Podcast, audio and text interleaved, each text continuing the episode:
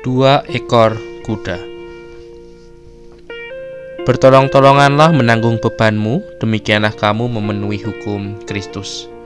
Galatia pasal 6 ayat yang kedua.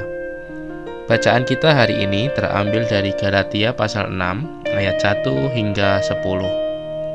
Sebuah penelitian membuktikan bahwa seekor kuda dapat menarik beban seberat 2 ton. Namun yang menarik, Dua ekor kuda yang berada dalam satu pedati yang sama bisa menarik 16 ton.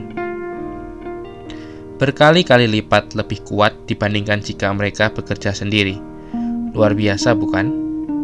Dalam kehidupan kita sama seperti seekor kuda yang sangat terbatas dalam menanggung suatu beban.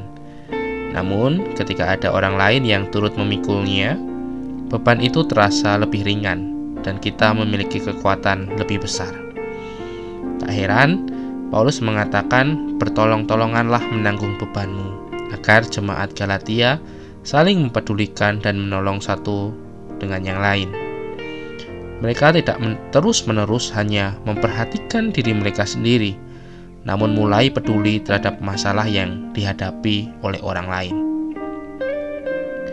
Paulus sendiri membuktikan bahwa pelayanannya berhasil karena banyak orang yang menolongnya bisa dilihat di Filipi pasal 2 ayat 19 sampai 30. Beban itu bisa berarti banyak hal. Beban dalam pekerjaan, pelayanan, keluarga, kesehatan, dan masih banyak yang lain. Banyak orang yang enggan untuk menceritakan bebannya kepada orang lain. Mereka takut menjadi bahan tertawaan, atau mungkin aibnya dapat tersebar. Namun, Sebenarnya, beban yang berat akan terasa ringan jika kita mau membaginya dengan orang lain. Pekerjaan yang banyak bisa diselesaikan ketika kita mau melibatkan orang lain. Tantangan pelayanan yang semakin sulit dapat diatasi ketika kita mau berbagi tugas dengan orang lain.